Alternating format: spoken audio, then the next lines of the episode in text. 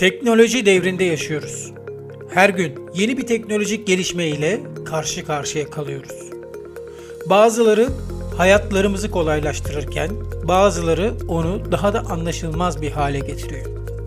Cep telefonları, tabletler, bilgisayarlar, akıllı ev aletleri, televizyonlar ve her gün kullandığımız onlarca cihaz.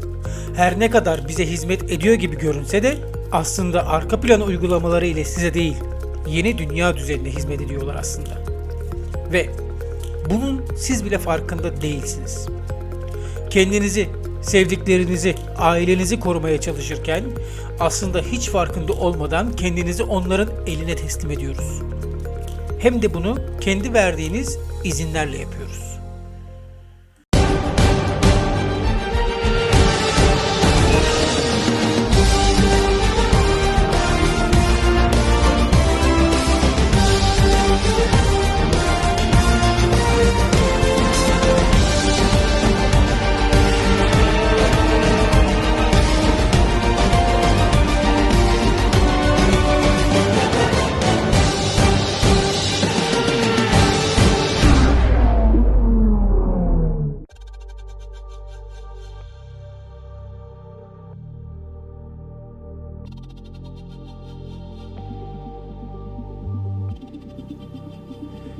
2000 yılı tüm dünya için teknolojik bir değişimin başladığı bir yıl oldu. Cep telefonları ile daha kolay ve daha hızlı haberleşebilir hale geldik. Bilgisayarlar işlerimizi düzenlemekte ve planlamakta, hayatımızın tam da merkezine yerleştiler. Tüm bunların olmasını sağlamaksa internette oldu. İnternetin kullanılmaya başlamasının hemen ardından büyük bir hızla tüm dünyaya yayılması insanların bilgiye daha hızlı erişmesini de kolaylaştırmış oldu.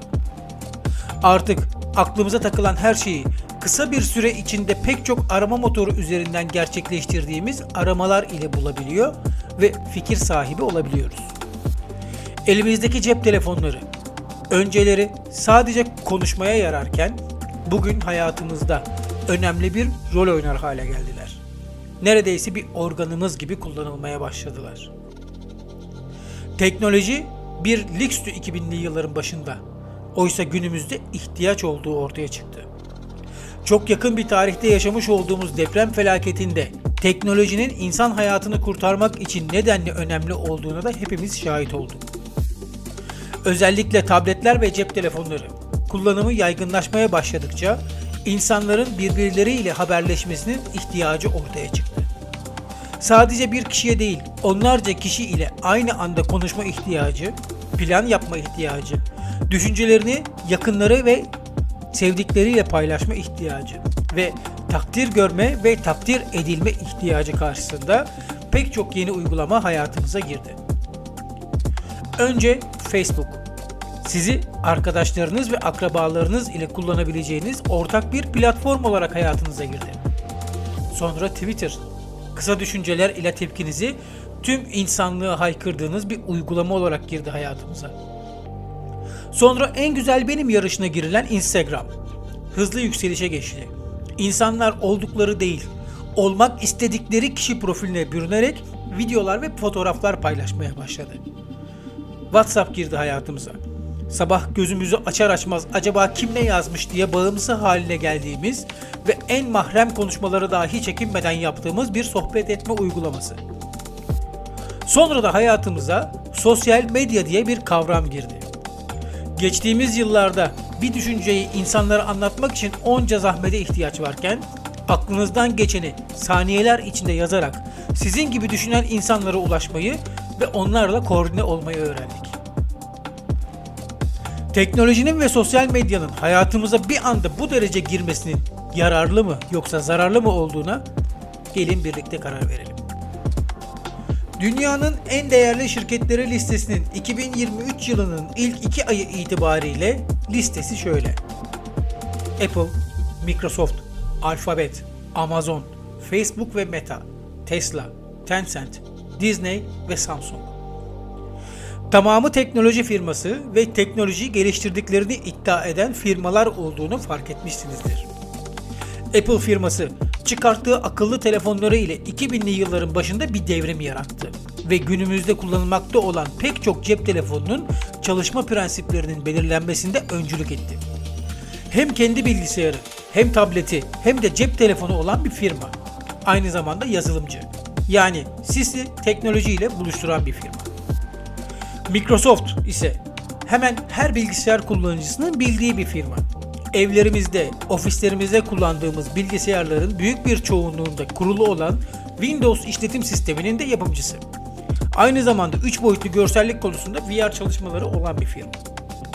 Alphabet. Bu firma ise onun diğer adıyla tanıyoruz aslında. Google. Dünyanın en büyük ve en gelişmiş arama motorunun sahibi. Her telefonda kullanılan Android işletim sisteminin sahibi. Ayrıca Duplex adı verdikleri hazırlıkları ve çalışmaları devam eden bir yapay zekanın sahibi.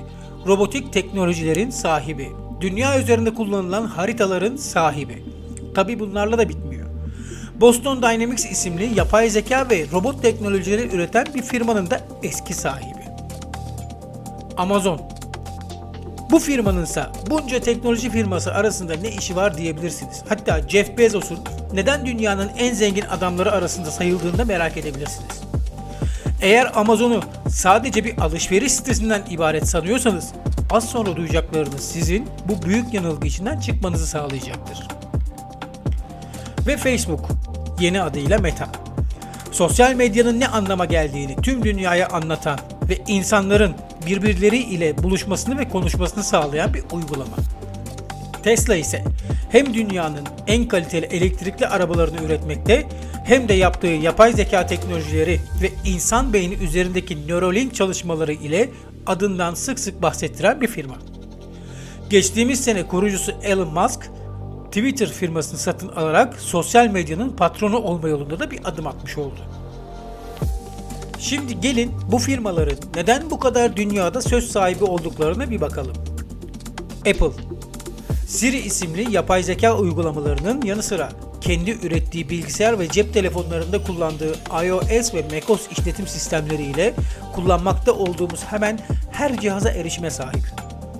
Microsoft firması WhatsApp'a rakip olabilmek için öncelikle 8,5 milyar dolara 2011 yılında bünyesine Skype'ı kattı. Böylece insanların birbiriyle konuşmalarının önünü açmış oldu. WhatsApp gibi her şeyimizi konuştuğumuz bir uygulamaya rakip olarak gelen Skype, özellikle video görüntülü görüşmeler konusunda şirketlere ve kurumsal firmalara yepyeni çözümler sundu.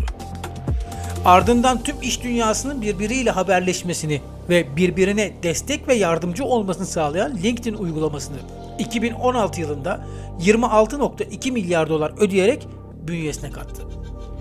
750 milyondan fazla kullanıcıya sahip olan uygulama ülkemizde çok fazla kullanılmasa da tüm dünyada bir nevi iş dünyası için Facebook anlamı taşıyor.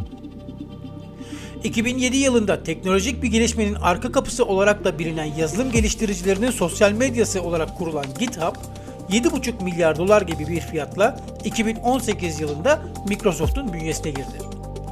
2021 yılında AT&T bünyesindeki dünyanın en büyük reklam ve pazarlama ağı olan Zander de 1 milyar dolarla Microsoft'a katıldı. 2022 yılında özellikle oyuncuların çok iyi bildikleri Activision ve Blizzard gibi firmaları 68.7 milyar dolar gibi astronomik bir rakamla Microsoft bünyesine kattı. Alphabet firması bugün Google olarak bildiğimiz bir firma. Bu firma satın almaktan çok satmakla ünlenmiş durumda. Çünkü dünyanın en çok kullanılan Android işletim sisteminin tek sahibi. Yani kullandığımız hemen her telefondaki tüm verilere hakim. Google ile yaptığımız aramaları takip edebiliyor. YouTube gibi görsel sosyal medya ile insanların düşüncelerini video aracılığıyla aktarmasını sağlamanın yanı sıra günümüzde televizyon gibi çalışan bir sistemin de kurucusu oldular. Google üzerinde çalışan dokümanlar, fotoğraflar, haritalar gibi pek çok uygulama bu firmaya ait. Yine daha önce bahsettiğim üzere Boston Dynamics isimli robotik teknolojiler geliştiren bir firmanın da kurucusu. Ancak bu firmayı da daha sonra Çinli bir firmaya satmıştı. Facebook ya da yeni adıyla Meta günümüzde kullanılan tüm sosyal medyanın tek sahibi denilebilecek kadar büyük bir firma. Mark Zuckerberg tarafından kurulan firma 2014 yılında hemen herkesin bağımlı bir şekilde kullandığı sabah ilk günaydın mesajından akşam son iyi geceler mesajına kadar en mahrem tüm konuları konuştuğumuz, banka hesaplarımızı paylaştığımız, en gizli sohbetlerimizi ettiğimiz WhatsApp'ı 19 milyar dolara satın aldı. 2012 yılında ise en güzel benim yarışına girdiğimiz, yediğimizi, içtiğimizi, gittiğimizi, gördüğümüzü fütursuzca paylaştığımız Instagram uygulamasına 1 milyar dolar ödeyerek onu da bünyesine kattı. Şimdi ise TBH yani To Be Honest isimli gençlerin birbirleriyle iletişime geçtikleri uygulamayı 5 milyondan fazla kullanıcısı ile birlikte satın aldı. Ayrıca Facebook kendi üzerinde kullanmakta olduğu Messenger uygulaması ile de milyonlarca kullanıcının birbiriyle irtibata geçmesini ve konuşmasını sağlıyor. Ve bu uygulamaları birbirlerine bağlayarak insanları adeta Facebook bünyesi altında toplamaya çağırıyor. Bugün telefon uygulama marketleri incelendiği zaman en çok indirilen ilk 5 uygulamanın 4'ünün Facebook markası taşıdığını belirtmek gerekiyor. Amazon firması ise dünyanın en büyük alışveriş ağını kurmasının yanı sıra özellikle temassız teknolojilere verdiği önemli biri. Amerika'da denemeye başladığı kasiyer olmadan yapılacak alışverişi test etmeye başladığı uygulamalarının altından Prime adı verilen bir dijital kanalında sahibi aynı zamanda.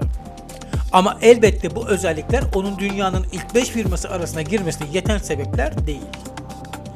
Amazon, dünyanın en büyük depolama serverlarına sahip firmadır. Hatta o kadar büyüktür ki sadece Apple firması her ay kullanıcılarının verilerini saklamak için bu firmaya 40 milyon dolar para ödemektedir.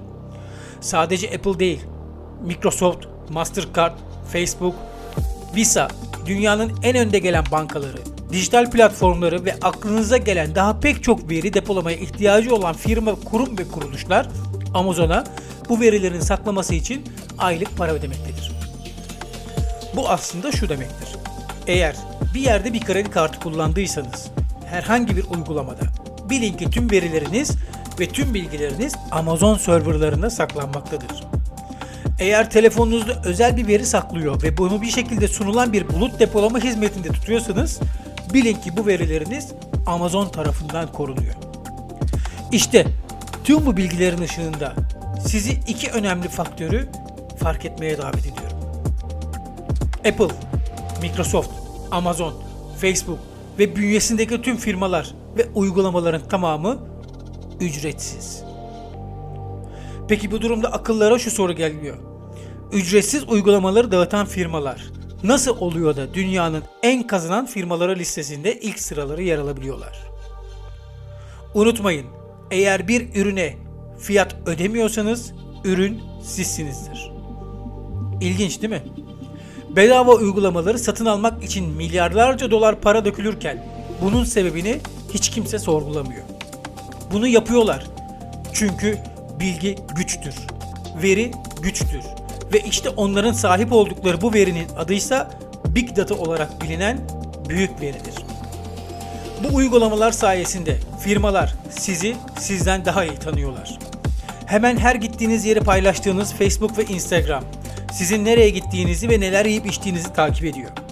Google Haritalar uygulaması ile siz nerede olduğunuzu adım adım takip ettiriyorsunuz. Yaptığınız Google aramaları ile neyi aradığınızı ve daha doğrusu neye ihtiyacınız olduğunu açık ve net bir şekilde belirtiyorsunuz. Mesela belki farkında değilsinizdir ama yönünüzü bulmak için kullandığınız haritalar uygulamasının bu bahsedilen tüm firmalarında bir uygulaması olduğunu biliyor muydunuz? Bulunduğunuz bölgedeki trafik yoğunluk haritalarının uydularından geldiğini düşünüyorsanız yanılıyorsunuz. Bu yoğunluk durumları o an trafikte bulunan tüm Android cihazların yoğunluklarına ve hareketlerine göre oluşuyor. Yani telefonunuz sizi takip ediyor ve genel merkeze veri gönderiyor. Bulunduğunuz konumu an be an bilgisini veriyor ve bu bilgiler birikerek o bölgede trafik durumu hakkında insanlara bilgi sağlıyor. Ama bundan da önemlisi aslında sizin hangi yoldan işe gittiğinizi biliyorlar. Hangi güzergahtan eve döndüğünüzü biliyorlar. Alışveriş için nereye gittiğinizi, ne aldığınızı, ne almak için kullandığınız kredi kartlarınızın verilerini çok iyi biliyorlar. Çok uzak bir geçmişe değil, 10 yıl öncesini düşünecek olursanız kredi kartlarınızın slipleri ile aldığınız ürünlerin fişleri aynı cihazlarda basılmıyordu. Oysa günümüzde bu ikisini artık aynı cihazlar basıyor. Hiç düşündünüz mü neden? Sizin ne aldığınızı takip ediyorlar. Ama sakın şunu düşünmeyin. Ben tek bir kişiyim. Dünyanın işi gücü kalmadı beni mi takip ediyorlar gibi yanlış bir düşüncenin içine girmeyin. Çünkü onların derdi siz değilsiniz. Ahmet Bey değil, Ayşe Hanım değil, Fatma Hanım değil. Onların derdi belli bir profile sahip insanlar. Yani Ahmet Beylerin, Ayşe Hanımların ve Fatma Hanımların durumu. Belli bir yaş grubundaki ev hanımlarının ne yaptığı, nereye gittiği, ne izlediği, ne istediği, ne konuştuğu, ne aldığı ile ilgileniyorlar. Ya da belli bir meslek sahibi ve bir yaşam kalitesi olan Ahmet Beylerin nelerle ilgilendiklerini kontrol ediyorlar. Siz milyonlarca veriden sadece bir tanesisiniz. Ama birler birleştiği zaman milyonları meydana getiriyor. Bunu da unutmayın. Bunlardan istatistik çıkartıyorlar. Ve size gereken neyse sizin önünüze çıkmasını sağlıyorlar. Tam bir pazarlama planı. Eğer sizin profilinizdeki insanlara bir ürün satmak isteniyorsa sizin işe nereden gittiğinizi biliyorlar. Ve o güzergahtaki panolara o ürünlerin reklamlarını yerleştiriyorlar. Günümüzde herkesin fark ettiği ama hiç kimsenin şikayetçi olmadığı bir başka durumsa telefonunuz, bilgisayarınız ya da akıllı cihazlarınızın yanında bir konudan bahsettiğiniz zaman ekranda onunla ilgili reklamlar görmeye başlamanızdır. İşte bu da aslında bu cihazların bulunduğunuz ortamı dinlediğini ve hatta ortam görüntüsü aldığını göstermektedir. 10 sene öncesine kadar telefonlarımız, tabletlerimiz, bataryaları çıkartılabiliyordu. Ancak şimdi üretilen hiçbir telefonda bataryanın çıkmasına izin verilmiyor. Çünkü telefonlarınız akıllı cihazlarınız. Siz şarj etmek için prize taktığınızda kapalı dahi olsalar merkeze veri aktarmaya başlıyorlar. Siz uyurken sizin gün boyu ne yaptığınızı tüm etkinlikleri bir bir uygulamalar aracılığıyla toparlayarak Amazon'un serverlarına gönderiyorlar.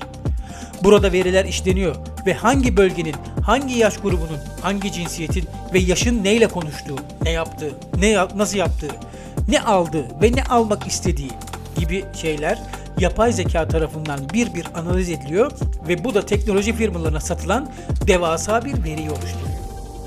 Böylece firmalar insanların neye ihtiyacı olduğunu biliyorlar ve ona göre üretim yaparak reklam veriyorlar. Bir gecede yıkılan ülkeler ve bir gecede yapılan devletlere de şahit olduk. Tek bir Facebook iletisiyle ya da tek bir Twitter mesajı ile ülkeleri nasıl sıkıştırdıklarına şahit olduk. Sizi sizden çok daha iyi tanıyorlar. Sizin neye kızdığınızı biliyorlar ve sizi kızdırmak istediklerinde bunu çok güzel yapıyorlar. Sizi sakinleştirmek istedikleri zaman da bu veriler sayesinde yine bunu çok kolay bir bir tweetle ya da Instagram mesajıyla gerçekleştirebiliyorlar. Big Data ya da büyük veri. İşte yeni dünya düzenini kurmak isteyenlerin elindeki en büyük silah haline geliyor. Verilerimiz satılıyor. Bu verilerle hayatlarımıza hiç farkında olmadan yön veriliyor. Size bir ürünü aldırmak istiyorlarsa alışveriş merkezi tuzaklarını kullanıyorlar. Önce akıllı cihazlarınıza sayısız reklam gönderiyorlar. Sonra da AVM'lerde çekilmenizi sağlayacak ürünlerin satışları sağlanıyor. İki ekmek almak için girdiğiniz bir marketten iki araba dolusu ürünle çıktığınızda eve geldiğinizde aslında bu ürünlerin pek çoğuna hiç de ihtiyacınız olmadığı halde aldığınızı fark ediyorsunuz. Şimdi bu alışverişi siz mi yapmış oluyorsunuz? Yoksa akıllı cihazlarınızla devamlı gözünüzün önüne atılan ürünler sebebiyle bilinçaltına işlenmiş verilerinizin kontrolünü yapanlar tarafından mı yapılmış oluyor? Teknoloji güçtür. Ancak bilgi en büyük güçtür. Günümüzde bu veriler işleniyor. Bizi bizden daha iyi tanıdıkları için hayatlarımızı adeta bir kuklacı gibi yönlendiriyorlar ve bizler de bu oyunun farkında dahi olmadan buna alet oluyoruz. Akıllı cihazları kullanmak gerekiyor ancak onları ne amaçla kullandığımızı da bilmek gerekiyor. Aksi halde biz onları değil, onlar bizi yönetir hale geliyor ve onların kölesi oluyoruz.